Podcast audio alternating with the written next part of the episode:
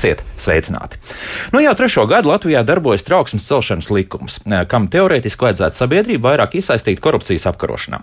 Vai likums darbojas, un ja jā, tad kā par to tad šodien arī raidījumā? Manas studijas viesņas - Dēlnes direktore Ines Tauriņa, sveicināti, Labi. un valsts kancelējas pārstāve Inese Kušķa, sveicināti. Tāpat kā iepriekšējā pirmdienā, kad mums bija daudz elvju, tagad laikam baidzēs mums ar Skušķas kundze un attiecīgi arī Tauriņas kundze, tā arī runāsim. Jā, Ines atstāsim drusku fonā. Bet tomēr Kušas kundze, lūdzu, izstāstiet eh, par šo likumu tādos vienkāršos vārdos, ko tas vispār nozīmē un eh, kāpēc tomēr mūsu radioklausītājiem par to vispār vajadzētu kaut ko zināt un dzirdēt. Jā.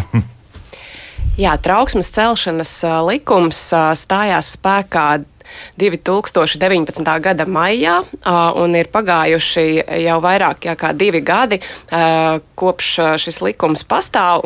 Tas ir ļoti būtisks instruments, kas skar gan publisko, gan privāto sektoru un dod iespēju ikvienam Latvijas iedzīvotājam informēt par kādu iespējamu pārkāpumu savā darba vietā, kas neskar tikai viņu personīgi, bet skar plašākas sabiedrības intereses. Tātad pārkāpums, kas ir saistīts ar darbu, ar darba pildīšanu. Faktiski tā ir iespēja sabiedrībai uzzināt to, ko mēs varbūt no malas neredzam, kas notiek uh, iekšā kādā publiskā iestādē vai privātā organizācijā. Un uh, tātad trauksmes cēlē galvenais mērķis droši vien ir šo pārkāpumu iespējami drīz novērst. Tātad ir svarīgi saprast, kuram celt trauksmi, un likums paredz iespēju celt trauksmi iekšēji darba vietā, savam uh, darba devējam, kompetentajā publiskajā institūcijā, vai arī uh, sniegt informāciju publiski, piemēram, to nododot kādam žurnālistam. Likuma pirmajos darba gados valsts kancelēja kā trauksmes cēlēja kontaktpunkts ir sagatavojusi divus gada pārskatus, un mūsu ieskatā trauksmes cēlēja aktivitāte šajā laikā ir bijusi uh, um, pozitīva. Uh, piemēram, jau pirmajā likuma darbības gadā uh, publiskajā sektorā tika saņemti 435 šādi trauksmes cēlēju iesniegumi. Mm -hmm. Līdzīga statistika arī, arī otrajā gadā. Tas kā, ir 20. tā otrais jā, gads. Jā, jā mm -hmm. tieši tā. Uh, bija konkrēti 517 iesniegumi. Viņi tālāk tiek vērtēti saskaņā ar likumā noteikto, taču šis likums mūsuprāt tiek izmantots, ir, mm, ir pazīstams un, uh, protams, ka likums likums paredz arī aizsardzību gadījumā, ja dēļ šīs ziņošanas trauksmes cēlējiem rodas kādas nelabvēlīgas sekas. Līdz tam vēl nokļūsim, Jā. bet tagad eh, par to statistiku es tā paskatījos, un eh, lūk, kas mani varbūt zināmā mērā satrauc. Tāpēc, ka 2020. Eh, gada statistika viss var atvērt vaļā trauksmes cēlējs.lv ir šī mājaslapa, tur jūs varat izlasīt arī vairāk arī par pašu likumu un arī par aizsardzību tiem trauksmes cēlējiem. Bet, lūk, kas man tomēr uztrauc, ir tas, ka jā, gadījumi ir daudz, bet uh, saņemts no trauksmes cēlēja kontaktpunkta ir salīdzinoši maz. Respektīvi, es tā saprotu, ka tas ir tiešām tā, ka cilvēks ir apzināti vai nu zvanījis vai sūtījis e-pastu. Pārējais visvairāk vai mazāk nāk no institūcijām, respektīvi, nu, kāda cita vai nu ministrija vai attiecīgi varbūt knaps vai kā ir pārsūtījis informāciju uz, uz kādu citu organizāciju, ja, kurai tas ir piekritīgāks. Nu, šis varbūt kā liekas, ka stipri maz to gadījumu ir tādi, kas tiešām ir nu, paziņojuši par to, ko mēs šodien principā runājam. Uh, tā tad attiecīgi. Uh, ideja ziņošanai kompetentajai institūcijai ir tāda, ka nav kāda viena kompetentā institūcija vai noteiktas, kas būtu nosaukts likumā, kuras izskata eh, šos ziņojumus eh, teiksim, neatkarīgi no, no, no tās nozares, kurā ir noticis šis pārkāpums. Faktiski tā doma ir tāda līdzīga kā iesnieguma likumā. Mēs vēršamies pie tās institūcijas, kura ir atbildīga par šo jautājumu. Tātad, piemēram, eh, nozares ministrija, uzraugoša iestāde, vai, ja gadījums ir nopietnāks, senāks, tad vēršamies pie tiesība aizsardzības iestādes. Piemēram, ja tas ir par korupciju, vēršamies korupcijas novēršanas apkarošanas birojā, tas ir kāds veselības jautājums, vēršamies veselības inspekcijā, nodokļi, vida un tam līdzīgi.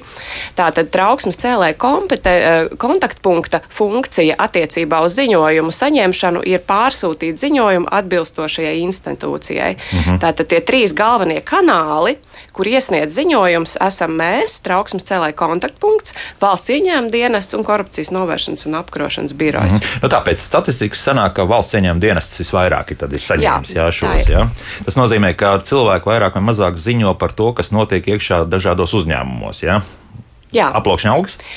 Pārsvarā aploksņa algas varētu būt arī citi ar saimniecisko darbību saistīti jautājumi. Dažkārt ir saistīts arī ar darba drošību, darba attiecībām, un ziņojums aizies arī valsts darba inspekcijai. Jo bieži vien ir tādas nu, sistēmiska rakstura problēmas, par kurām ziņo darbinieks, un tur ir vairākas lietas kopā. Mm. Nu, valsts darba inspekcijas ziņojumi ir 22, tas ir 20. gadā. Mm. Nu, liekas, ka drusku par maz, atvainojos, 39 kopumā. Ja? Drusku par maz, tad varētu būt vairāk. Jo nu, mēs zinām, kas notiek celtniecībā un tā tālāk. Nu, nu, varētu būt gan, gan darba drošības ziņā, gan, gan arī, protams, aploksņa algas un tā tālāk. Jā, tā, jā, tā, jā, tā otra Inesai tagad jau jāsāk jā, jautāt, jā, nu, ka salīdzināšu maz tomēr. Nu, tas piekrītu, pilnīgi piekrītu, un mēs arī sabiedrībā par atklātību Dāna arī pēdējā Eh, pusgada laikā par šo ar vien aktīvāk sākam domāt, jo, protams, sākumā, jā, kamēr visi saprot likumu, kamēr mēs vispār izlasām viņu līdz galam un tam līdzīgi, vēl šis laiks, kamēr eh, privātais sektors lielie uzņēmumi ievieš un tam līdzīgi šos iekšējos trauksmes celšanas uh, sistēmas, uh, tas bija tāds ieskrējiena laiks, bet tiešām nu jau mēs sākam domāt un uztraukties mazliet par to, ka jā, piekrītu, uh, visticamāk, ka tas potenciāls, ka šie trauksmes cēlē ziņojumi varētu būt vairāk, varētu būt. Un, uh, ko darīt? Nu, tas ir tas, uh, tas, man liekas, ļoti komplekss jautājums. Pirmkārt, arvien vairāk runāt par to, arvien vairāk izglītot sabiedrību, arvien vairāk arī mēs Dēlnā redzam strādāt ar privāto sektoru, ar uzņēmumiem, kuros būtu jāievieš šie kur ir šie 50 un vairāk darbinieku, kuros obligāti būtu jā, jābūt. Obligātais, tā mēs uzreiz šai... sākam, ka ir obligātais noteikums, jā, līdz ko tev ir vairāk 50, kā 50 gadu darbinieku. Bet likums sankcijas neparedz. Līdz ar to à, var arī neieviest. Neviens tāpat neskatīsies. Mm -hmm. nu, mēs, protams, Dānā sākam, ka, arī, ka, ka arī tie uzņēmumi, kuros ir mazāk darbinieki, arī var domāt par to, ka var ieviest šādu iekšējo trausmas celšanas sistēmu. Bet vēl viena lieta, kurš skundze jau minēja, kur var ik viens iesniegt šo, vērsties ar šo savu ziņojumu. Ceturtā lieta vēl ir biedrības, un tāpēc Dēlna par to runā, ka arī biedrībās, kuras statūtos ir paredzēts, ka viņi atbalsta trauksmes cēlējus, piemēram, Dēlnas statūtos ir paredzēts, ka mēs atbalstam trauksmes cēlējus arī pie mums. Mums strā, darbojas trauksmes cēlēju centrs Dēlnā, kur mēs konsultējam iedzīvotājus, kuriem ir jautājumi, aizdomas. Viņam liekas, ka tur varētu būt trauksmes celšanas gadījums. Tad mēs konsultējam, palīdzam sagatavot uh, dokumentus un uh, tam līdzīgi. Mm -hmm. Tas ir tas veids, kā mēs popularizējam un veicinam to, lai būtu mazliet vairāk. Jā, jo, jo tas, ziņām. es pieļauju, ka tas ir viens no svarīgākajiem jautājumiem, jo cilvēki pirmkārt, es domāju, ka nu, arī man pēkšņi tā, tā situācija būtu kāda, ka nu, es varētu atrast kaut ko, ka Latvijas rādio kaut kas tāds notiek, nu tad man īsti nav skaidrs, vai, vai tā informācija būs pietiekama, lai vispār sāktu šo procesu. Un otrais, nu, tad tas nākamais jautājums par to, kas man par to būs, vai tieši otrādi nebūs. Jā, ja es tur kaut ko sākšu ziņot, bet nu, tad izskatīsim to vēlāk. Bet tomēr, nu, varbūt tiešām caur nevalstiskām organizācijām tas būtu vieglākais ceļš, nevis tur rakstīts uzreiz sūtīt e-pastu knabām vai, vai kā citādi. Um, varbūt maza atkāpe. Uh, tā ideja, izstrādājot likumu, bija paredzēt iespējami daudz kanālus, mm -hmm. uh, kā celt trauksmi. Jo katram ir uh, sava individuālā uztvere, tas gadījums ir arī individuāls uh, konkrētā situācija, par kuru ceļ trauksmi. Attiecīgi likums paredz uh, izvēles iespējas vai ziņot darba devējam vai kompetentai institūcijai vai izmantot kādu starpnieku, piemēram, valsts kancelēs trauksmes cēlēju kontaktpunktu, biedrību vai nodibinājumu. Gan jau tika minēts par to, ka mēs varam izmantot biedrību, kura um, tieši specializējas trauksmes celšanā, bet varbūt arī jebkura biedrība vai nodibinājums, kas pārstāv, teiksim, nu, biedrību šajā gadījumā droši vien, kas pārstāv savu biedru intereses. Tā var būt arī ārotbiedrība. Tātad mēs varam izmantot kādu no šiem kanāliem, kas mums liekas nu, varbūt drošākais, piemērotākais. Jo celt trauksmi, nu, tā tomēr ir drosme, un cilvēks bieži vien apdomājas, to liecina arī zvani, kurus mēs saņemam, un apdomājas gan par to, vai tiešām šis pārkāpums ir noticis, rodas varbūt kaut kādas šaubas, vai ir vērts par to runāt. Kas ar mani notiks? Uh, bieži vien uh, ir uh, situācijas, kad ir šis zvans, bet nu, kas notiks pēc tam, ko mans darba devējs varētu izdarīt pret mani, pret manu ģimeni? Teiksim, visu šo uh, izvērtējot, tad tiek uh, izvēlēts piemērotākais kanāls, lai šo ziņojumu iesniegtu. Uh, un tad tas galvenais jautājums ir, protams, par to, kā mēs reaģējam uz to, cik uh, pilnvērtīgi mēs izskatām šo ziņojumu. Šeit, protams, arī tas ir būtiski trauksmes cēlējam, lai viņš justos apmierināts. Mm -hmm, tā atbildēšana ir, bet pirms tam tad. Uh, Tas nozīmē, ka principā katram trauksmes cēlējam nu, viņš tāds pilnīgi anonīms nevar būt. Viņš var iegūt vēlāk anonimitāti, bet tas pirmais tas solis ir tas, ka nu, tai, atgriezniskajai saitei vienalga ir jāpastāv. Ja? Jā, trauksmes cēlājs savā ziņojumā norāda vārdu uzvārdu un kā ar viņu var sazināties. Jo citkārt būtu grūti nodrošināt atgriezenisko saiti, kā arī viņu aizsargāt, ja pret viņu tiek vērsts kādas represijas vai pret viņu radinieku, jo aizsardzība ir arī radiniekiem. Um, attiecīgi pēc tam šis vārds tiek pseidonimizēts un jebkāda cita informācija, kas ļauj šo personu identificēt. Un arī ziņojuma izskatīšanas gaitā, par to mēs arī daudz runājam mācībās, ir dažāda dažādi tehniski paņēmieni, kā mēs varam darīt visu iespējamo, lai ne, nenoplūst informācija par to, kas tieši ir cēlis trauksmi, vai plašāk, ka vispār par šī situācija tiek analizēta, tāpēc, ka ir celta trauksme. Bet nu, vienlaikus ir jāsaprot, ka iesniedzot ziņojumu par pārkāpumu, iestāde pēc tam droši vien dosies uz šo organizāciju no, vai uzņēmumu, liet, lai veiktu pārbaudi. Ja? Tā kā tas arī ir jāņem vērā. Jo tā, nu, tas, tas, man liekas, tas šaurākais un bīstamākais punkts ir tas, ka es, es izlasīju, jā, ka tur ir pietiekama aizsardzība, it kā cilvēkam tiek garantēta no likumiskā viedokļa, ka pēc tam drīkst griezties arī tiesā, ja gadījumā kaut kāda seks, bet vienalga, nu, ļoti iespējams, ka tieši tas trauksmes cēlējs uzreiz ir redzams, ja, ka tas ir tieši konkrētā persona bijusi, kas, kas, kas ir ziņojusi, ja, un, un tad tālāk nu, tā dzīve var pagriezties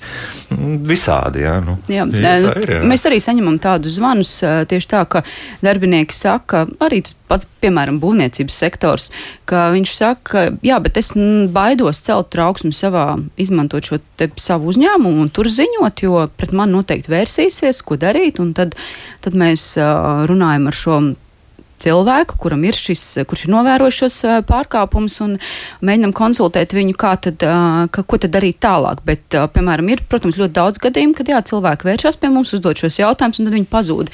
Nu, tas ir tas, ko arī Kušķis teica. Jā, mēs arī sakam, trauksmes cēlēs ir varonis, un tur ir, protams, jābūt nu, tādam drosmīgam cilvēkam, saprotot, ka ne tikai tad, kad es iesniegšu šo iesniegumu, bet arī pēc tam jau vēl tā, tās, um, tas process jau vēl notiks. Jā, noteikti man prasīs vēl sīkāku informāciju, tad vēl uzņēmumā notiek izmeklēšanas, vēl varbūt kāds aizdomīgi uz mani paskatīsies un tam līdzīgi. Jā, mēs to visu ļoti labi saprotam, bet tieši tāpēc likums paredz šo aizsardzību un tāpēc mums ir būtiski arī viņu neziņo, neiesniegt anonīmi, bet iesniegt ar šo personas informāciju, jo tad, jo līdz ko tas iesniegums tiek atzīts par trausmas cēlēju ziņojumu, tā uzreiz, nu, sāks arī aizsardzība. Sāks arī aizsardzība. Jā. Jā. Jā. Jā.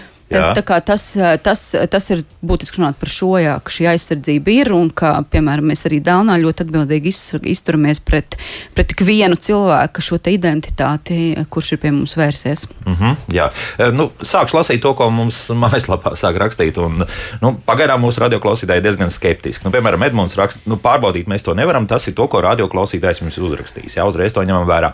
Esmu ziņojis par aplaukšņu algām, tā pa nopietno viņš raksta, bet rezultātā notiek sarunāšana, ierodas nodokļu inspektors un viss tiek veiksmīgi sarunāts. Pats šis pēc tam lielajās, ka šiem nebija kur piekasīties. Nu, varētu nosaukt viņš vairākus arī šādus uzņēmumus, par kuriem esmu ziņojis. Nu, nu, uzrakstiet, šī, šeit ir mums data aizsardzība labi strādā, kaut arī šos uz, pēc tam varam tālāk pārsūtīt, kam vajag.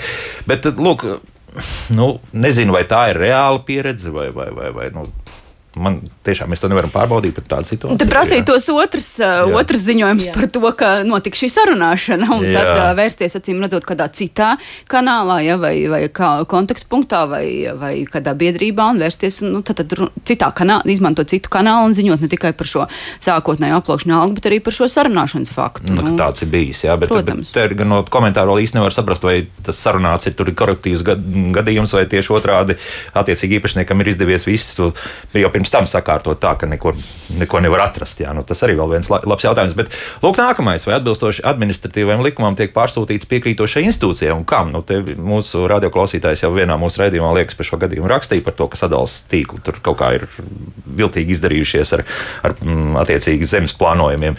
Bet, uh, kā, kā notiek pārsūtīšana, vai nenonāk tieši šai pašai institūcijai, kas principā būtu atbildīga par to, ka kaut kas slikts ir noticis?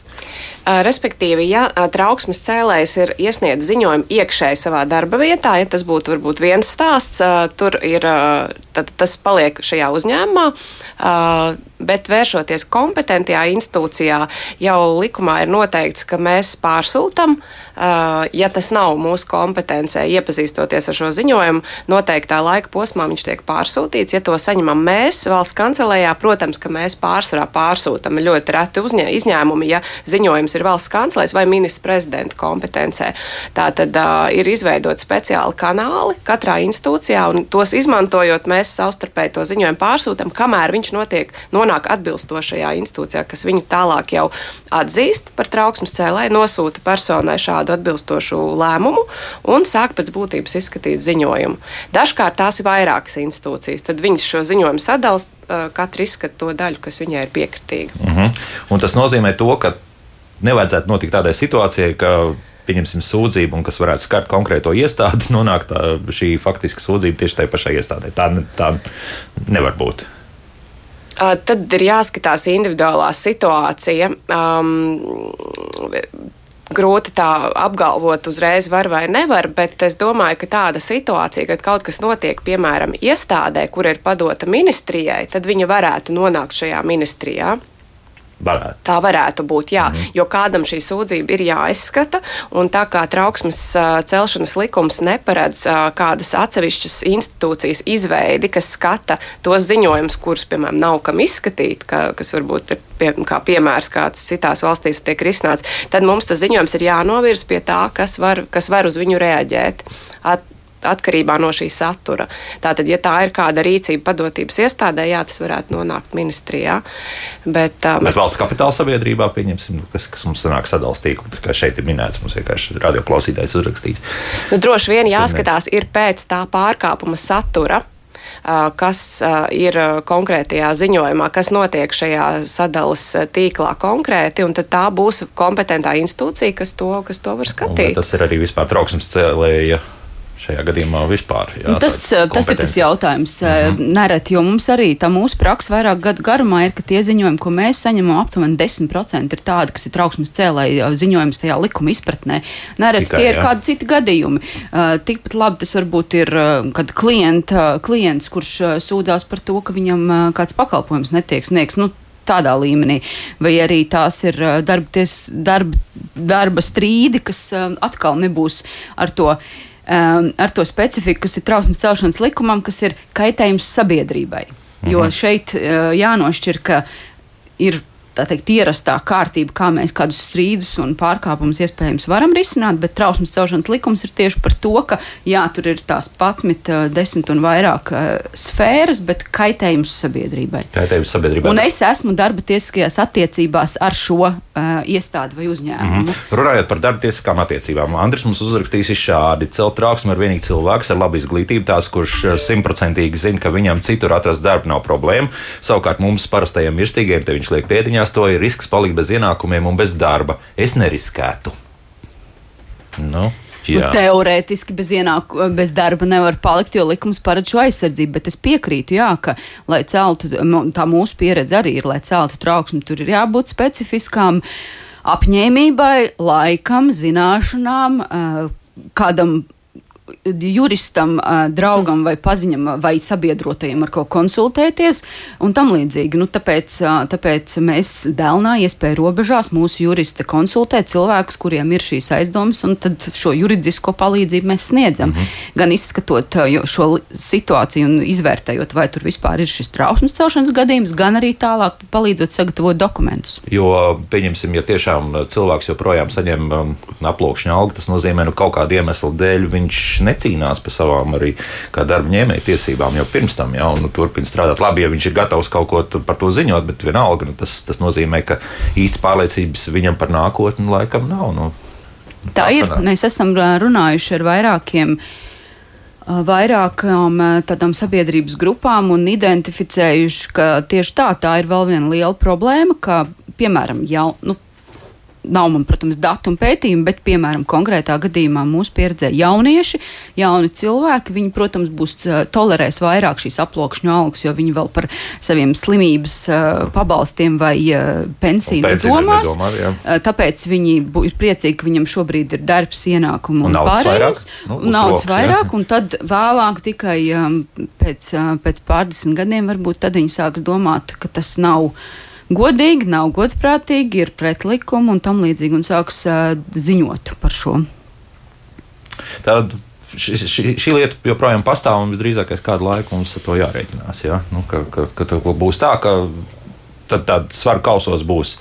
Vai nu man šī brīža labklājība, vai nu tad attiecīgi tad ar domas nākotni, ka es labprāt gribētu šeit strādāt, bet zinot to, ka nu, atkal būs kaut kādas lietas. Nu, ja? nu, tā, to mēs rēķinamies. Ja? To mēs rēķinamies. Un mēs arī esam šeit Latvijā, mums šie konkrētie trausmas cēlēju stāsti un piemēri nav daudz. Mēs esam vairākus arī citās valstīs ar vairākiem trauksmes cēlējiem runājuši. Un, protams, ka mēs ļoti labi apzināmies, ka um, trauksmes celšana, nu, šīs nelabvēlīgās sekas, lai arī likums mums paredz aizsardzību ar to ir vienalga jārēķinās. Nu, kas, ir, kas ir sliktākais, kas var notikt ja? šādās situācijās, tomēr ir jāizvērtē.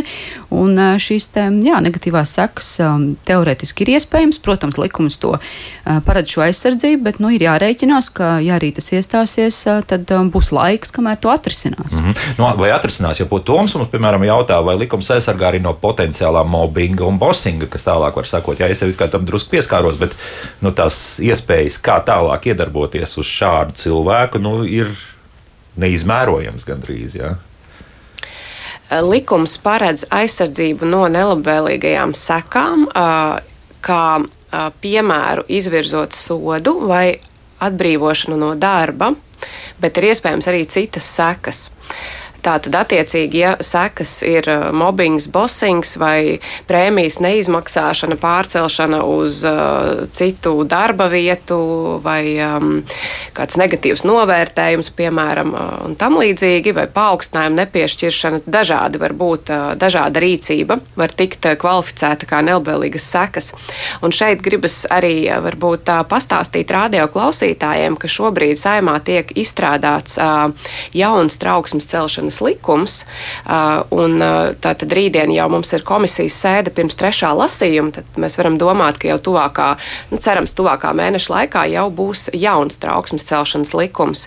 Cik tas atšķirsies no iepriekšējā? Par to mūsu ieskatā nav, nav vērts bažīties, jo patiesībā esošais trauksmes celšanas likuma šis modelis paliek tāds pats, bet viņš tiek stiprināts un vairākās, vairāk momenti tiek papildināti. Jauns likums tiek izdots, jo mēs pārņemam Eiropas Savienības trauksmes cēlēju direktīvu. Un attiecīgi, attiecībā uz nelabvēlīgajām sekām direktīvā tās ir definētas daudz plašāk nekā esošajā likumā. Tā kā mums bija jāpārņem arī visi šie konkrētie seku piemēri, un tādā ziņā likums ir pilnveidots. Un es domāju, ka radio klausītājs var jau jaunajā likumā paskatīties tieši konkrēti tās viņu interesējošās ka, darbības. Ka tas varētu strādāt. Jā, jo, piemēram, es iedomājos, tur jau daudz nevajag. Nu, pieņemsim, ja visi darba kolektīvs var mierīgi doties prom, tad, kad ir izdarījis savu darbu, bet tu tagad sēdēsi līdz pulksten pieciem. Ne ātrāk, jau jā. šādi it kā sīkumi, tāda neliela itāliešu to faktiski streiku, ka, ka parasti saka, ka sākam izpildīt punkts punktā visus uh, normatīvos aktus, likumus un, un tā tālāk, un ar to pilnīgi pietiek, lai uztaisītu šādu bosingu, jā, pieņemsim. Nu, tā ir. Jā, Jā. Nu, nu, te, vēl arī citu par šo pašu jautājumu Arnolds visdrīzākais rakstums šādi, ja pieņemsim, nav vispār nekāda darba tiesisko attiecību. Nu, pieņemsim, te, te mums arī, diemžēl, tas, kas mums sētā notika pirms nu, jau kādu laiku, gāja bojā tātad, celtniecības darbos cilvēks, jā, kur izrādījās, ka atkal pirmajā dienā viņš ir atnācis. Jā, un principā skaidrs viens, ka visdrīzākais viņš ir strādājis diezgan ilgu laiku jā, šajā uzņēmumā. Nu, kā šādā situācijā rīkoties, jo tas ir reakcija uz tiem faktiski vārdiem par to, ka jābūt darbtiesiskās attiecībās ar kaut ko. Ja? Nu, man, tādā, kā mēs to pavisam vienkārši skaidrojam, trauksmes celšanas likums ir par to, ka mani aizsargā pret šīm nelabvēlīgajām sekām.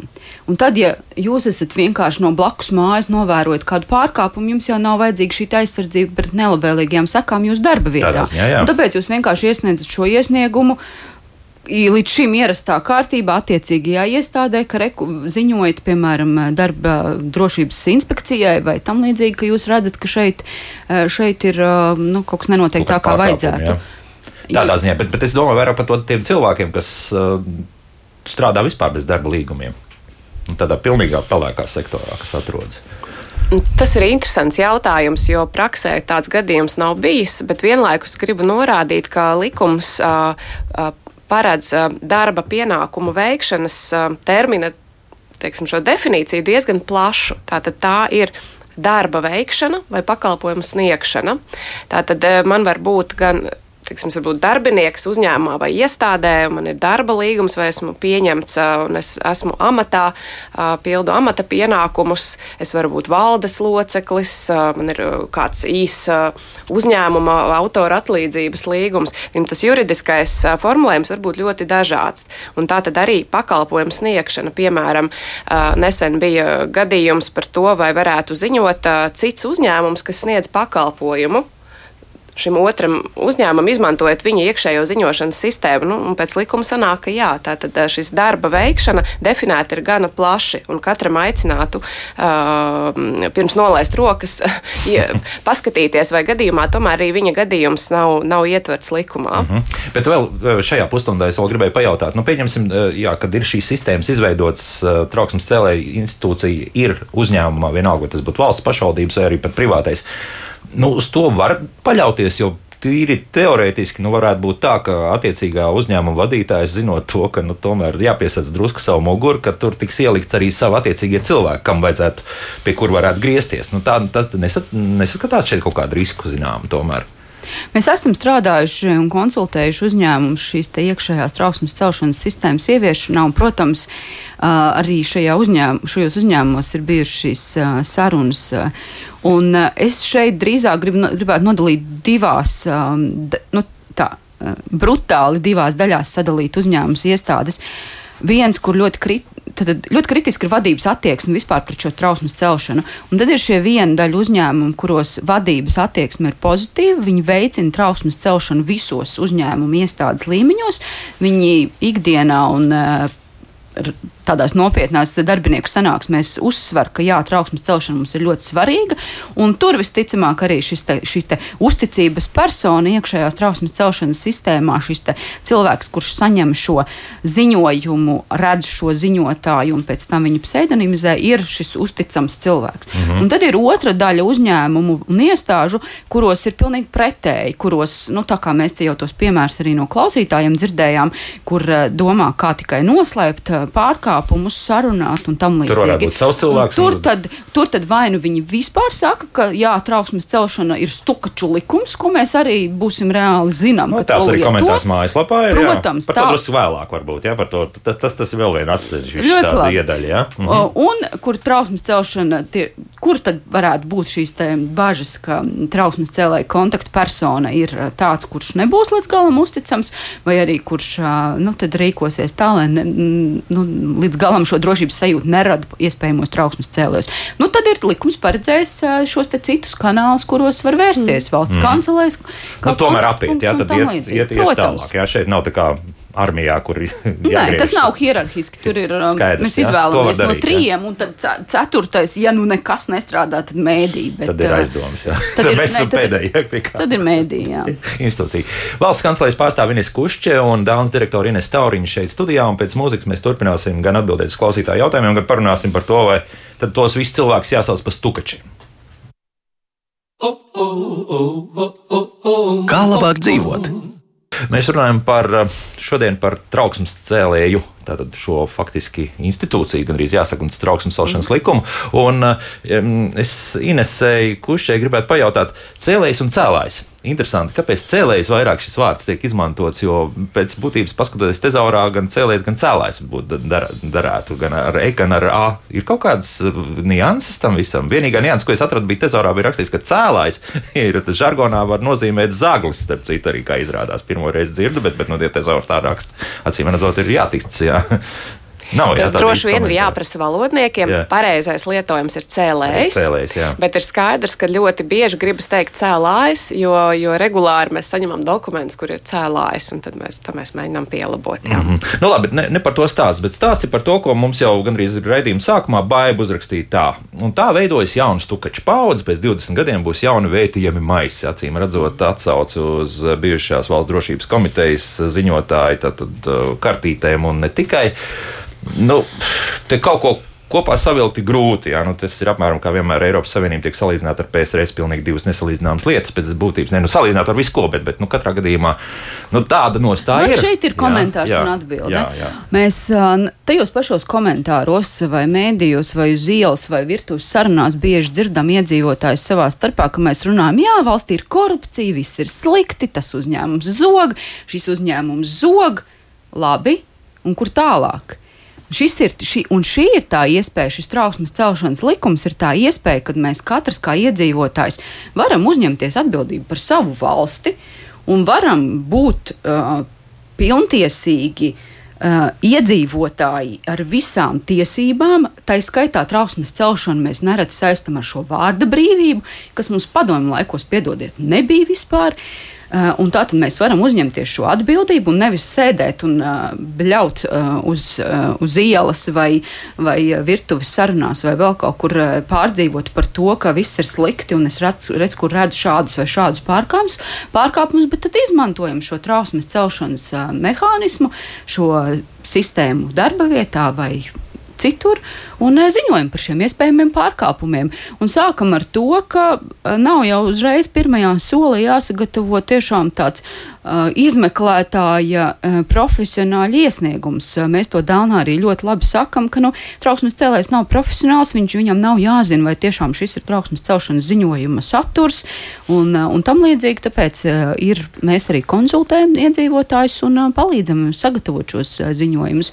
Un tas ir, man liekas, par to, vai mēs uzņemamies atbildību un esam gatavi ziņot par iespējamiem pārkāpumiem, vai domājam, ka tad, ja mēs redzam, ka blakus aiz sienas ir ģimenes skandāli un mirst bērni, tad vai tas ir normāli, vai tas o, vai tā var palikt? Man tur jāiesaistās, jo pieļauju, ka ir kaut kāda sabiedrības daļa, kas domā, ka tieši nu, tā, tām koruptīvām darbībām ir vieglāks ceļš uz kaut ko. Jā, vienalga, nu, tur attā, vai tas būtu sākot laikam no šokolādes tāfelītes līdz pat kādai lielākai naudas summai, ka tā man tas viss sanāks vienkāršāk un elementārāk. Jā, kaut gan, nu, protams, ka šobrīd ir daudz kas ir darīts, lai, lai, lai arī pakalpojums sevišķi no valsts un pašvaldību puses būtu krietni vieglāk pieejama un tā tālāk. Bet nu, tā, laikam, ir viena no tādām problēmām, ka tā ir vieglāk. Man liekas, ka ceļu policija ir lielisks piemērs, kā pēdējos gados, un tas ir ļoti ilgā laika posmā noticis, bet nu, mēs atceramies, ka gadus 15 atpakaļ, man liekas, vēl bija ļoti normāli to piecīt, iedot ceļu nu, policistam. Tad nebija, tur bija drusku vairāk. Jā, nu, labi, es jau tur tā jā. nezinu sīkāk, bet uh, dziesmiņi bija par piecīšiem, ja? Mm. Uh,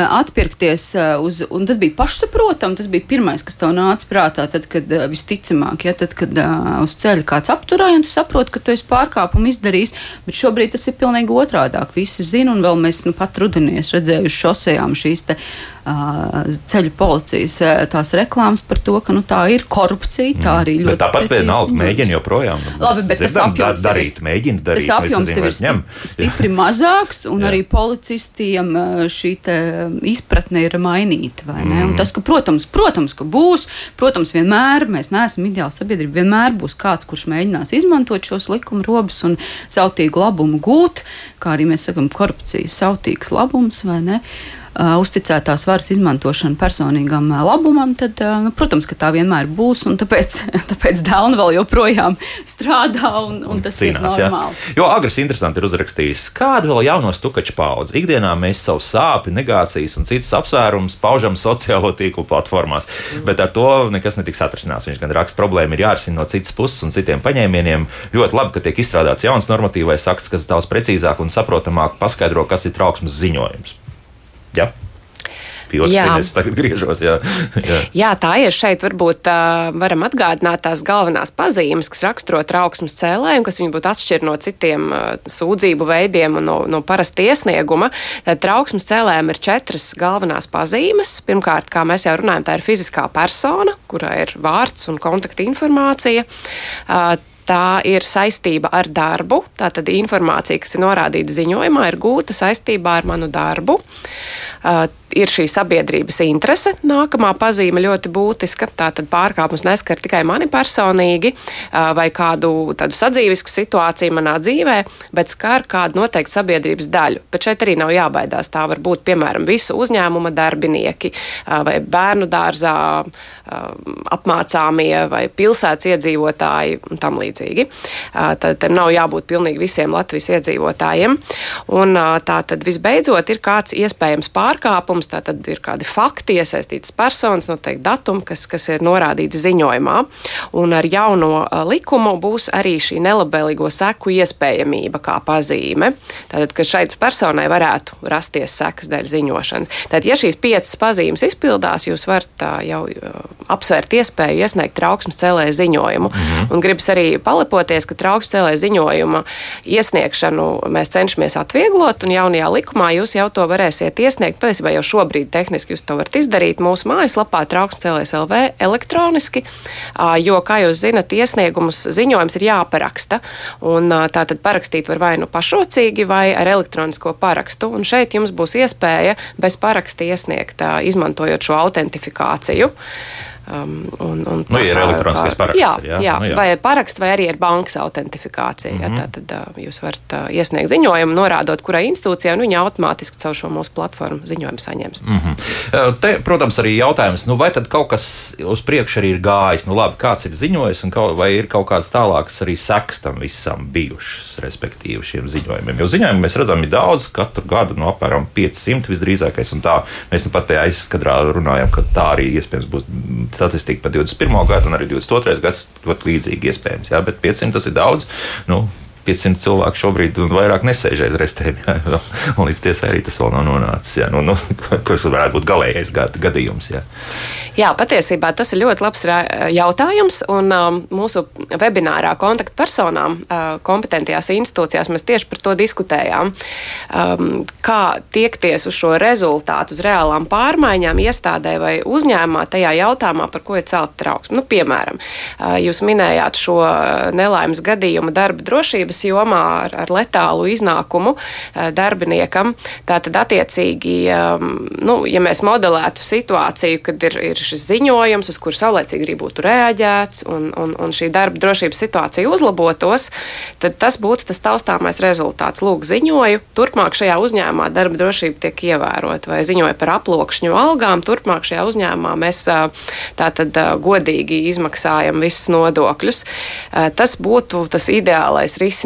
Nu, šobrīd statistikas līmenī mēs apkopojam vairāk akcentu liekam uz to, kāda veida pārkāpumu lietas ir uzsāktas, Eiropas komisija mums lūgs jau informāciju jau par finanšu aspektiem, teiksim, kāds kaitējums ir radīts no tā pārkāpuma vai kāda naudas līdzekļi ir atgūti valsts labā. Es domāju, ka mēs iesim uz priekšu un varbūt nākotnē varēsim apkopot jau arī tādus rezultātus, kā kā es minēju. Mm -hmm. Tas būs skaidrāks. Jā. Bet es atradu Rīgas domu, ka izrādās ir viena no aktīvākajām visās institūcijās ir attaisiet Google, un tur izliks, pirmā būs Rīgas doma, tāda iestāde, tāda iestāde, tāda institūcija. Un, nu, lūk, viņi ir apkopojuši, nu, pieņemsim, pāris nu, tie, tie trauksmes eh, celēju mm, iesniegumu, un vai ir arī reaģēts. Nu, pieņemsim, nu, tas vienkāršākais variants. Vienā no pašvaldības institūcijām konstatēt valstī notiekošo ierobežojumu COVID-19 izplatības ierobežošanai neievērošanu, un konstatētie trūkumi tikuši novērsti. Vienā no pašvaldības institūcijām konstatēts pazīmes, kas norādīja uz iepirkumu veicēju nepienācīgu vērīgumu veiktajās cenu aptaujās, pieļaujot pieļaujot savstarpēji saistītu uzņēmumu konkurenci. Konkurence ielikta ir pēdiņās. Jā. Veicot sākotnējo pārbaudu, konstatēts, ka varētu būt pamatota informācija pirms, pirms vairākiem gadiem īstenot fiktīvu nodarbinātību vienā no pašvaldības institūcijām. Materiāls nodots izskatīšanai korupcijas novēršanas un apkarošanas birojam, lietvedībā esošās krimināla procesa ietvaros, un tā vēl, vēl divi tādi, nu, vairāk nelasīšu. Ja. Tas nozīmē, nu, ka kaut kas jau notiek. Ja. Kaut kas Nevarētu. notiek, un mēs arī. Uh, Runājot par eh, šo trauksmes celšanas likumu, manuprāt, vēl viena svarīga lieta, ko ir vērts eh, nu, skatīties šo trauksmes celšanas likumu. Viens ir tas, ka jā, mēs varam ziņot uzreiz atbildīgajai iestādēji, tur policija, knāps, vienalga valsts cieņām dienas un tam līdzīgi.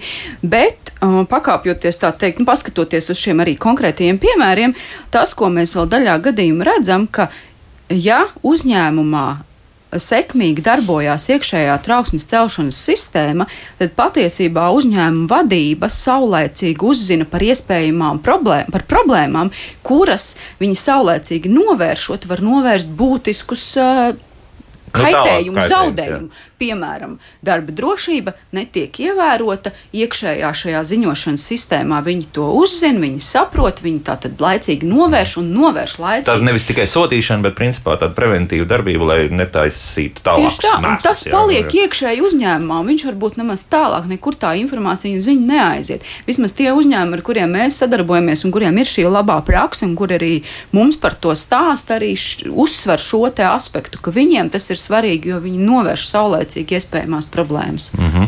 nu, paklausīsimies, kā klausītāji lūdzu. Jūs varat runāt, halo!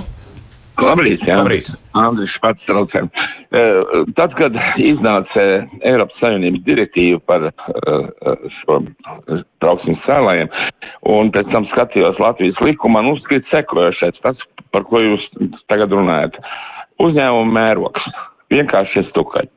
Uh, Eiropas Savienības direktīva tur bija par visas sabiedrības labums vai tautas vai valsts labums.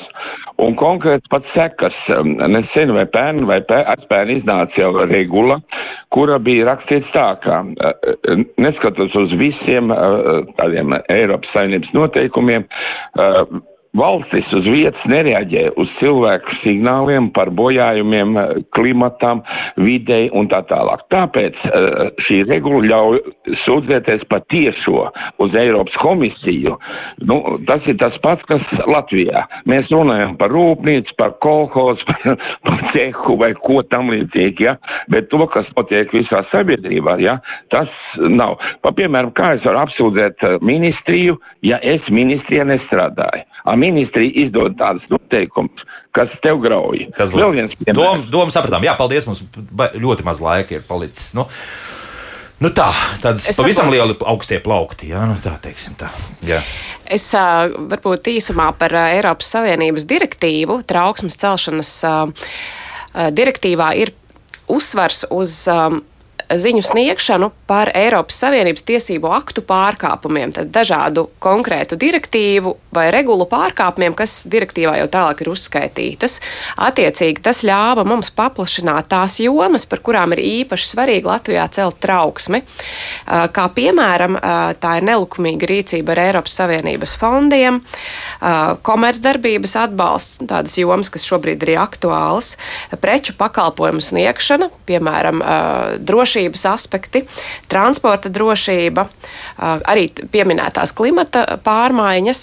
Tātad, ja attiecīgi kāds Eiropas Savienības tiesību aktā noteiktais, noteiktais aspekts ir pārkāpts, tad par to darba ietvaros gūtu informāciju sniedzam trauksmes cēlēju mm -hmm. ziņojumā. Nē, nu, varbūt arī to špatkungu gadījumu, zinot, ka viņš mūžīgi iestājas par to, ka mm, izstrādā tos porus vai gadot zērveņu audzētājiem, pieņemsim, tas ir viņa gadījums, jā, kad mm. radioklausītājs, kurš zvanīja mums, bet uh, tur arī, nu, kur tad tālāk griezties. Jo, principā, attiecīgi lauksaimniecības ministrija vai varams tur būs izstrādājis kaut ko tādu, nu, vai tas vispār ir trauksmes cēlāja gadījums. Ja? Nu, kad, ka, ka likums nestrādā par labu, pieņemsim, dzērveņu audzētājiem. Nu, tā. Es domāju, ka dzērveņu audzētājs, audzējot dzērvenes, gūst informāciju un sniedz trauksmes cēlē ziņojumu. Un ziņojums tas, tas nozīmē, kam aiziet, ja tās ir ministrijas līmenis. Faktiski... Atkarībā no konkrētā pārkāpuma, ja ir šaubas, sūtiet mums valsts kancelējā, un mēs atbilstoši pēc satura nosūtīsim tam, kas var reaģēt uz šo pārkāpumu tad ir arī šādas institūcijas. Nav jāgriež, piemēram, Eiropas Savienībā vai vēl kaut kur tālāk. Nē, trauksmes cēlē ziņojums par šīm direktīvas pārkāpumiem iesniedz, protams, savā valstī. Mm -hmm. nu, vēl arī dažādi citi mums jautājumi šobrīd mājaslapā ir, vai ir kāda iestāde, kur ziņot par nodokļu inspekcijas neizdarībām, nodokļu inspekcija domāts valsts ieņēmuma dienests, piemēram, Eiropas līmenī atkal prasa, vai, vai ir vērts sūdzēties tālāk nekā valsts. Uh, likumā tas nav paredzēts, līdz ar to tas būtu individuālā gadījumā jāskatās. Mm -hmm. Kas tur īsti ir un kā tas notiek? Jā? Jā, tieši tā. Tur un šeit dēlni varētu palīdzēt nu, tā, struktūrēt vairāk vai mazāk, vai tas būtu knabi gadījums vai, vai, vai, vai finanšu ministrijas pieņemsim, vai, vai kā citādi, kā tas piekritīgs. Iespējams, jā? iespējams, jā, iespējams mm -hmm. mēs varam palīdzēt. Jā, Lūdzu, mums raksta par stukaču likumu to sauc līdz tam laikam, kamēr paši šo cilvēku skar šāds pārkāpums. Pēc tam, kad vajag aizsardzību, jau runāt citādāk. Nu, visdrīzākais, jā, tas kamēr tevi, kurā barikāžu pusē tu atrodies. Mm pēc būtības. Ja. Kas vēl? Mm, kad beidzot ar vien biežāk aiz restēm nonāks personas, kuras pieķertas liela apjoma korupcijā, tad cilvēkiem radīsies ticība, ka trauksmes celšanai ir jēga, tā jurists mums raksta. Pilnīgi piekrītu, pilnīgi piekrītu. Protams, bet mēs arī, un tieši tāpēc mēs arī Dānā ļoti gaidām kādus vēl vairāk uh, konkrētus gadījumus, kad um, šis rezultāts, tā teikt, mums uh, ir. Uh, no šim te, ar šīm restēm vai sodiem vai tam līdzīgi.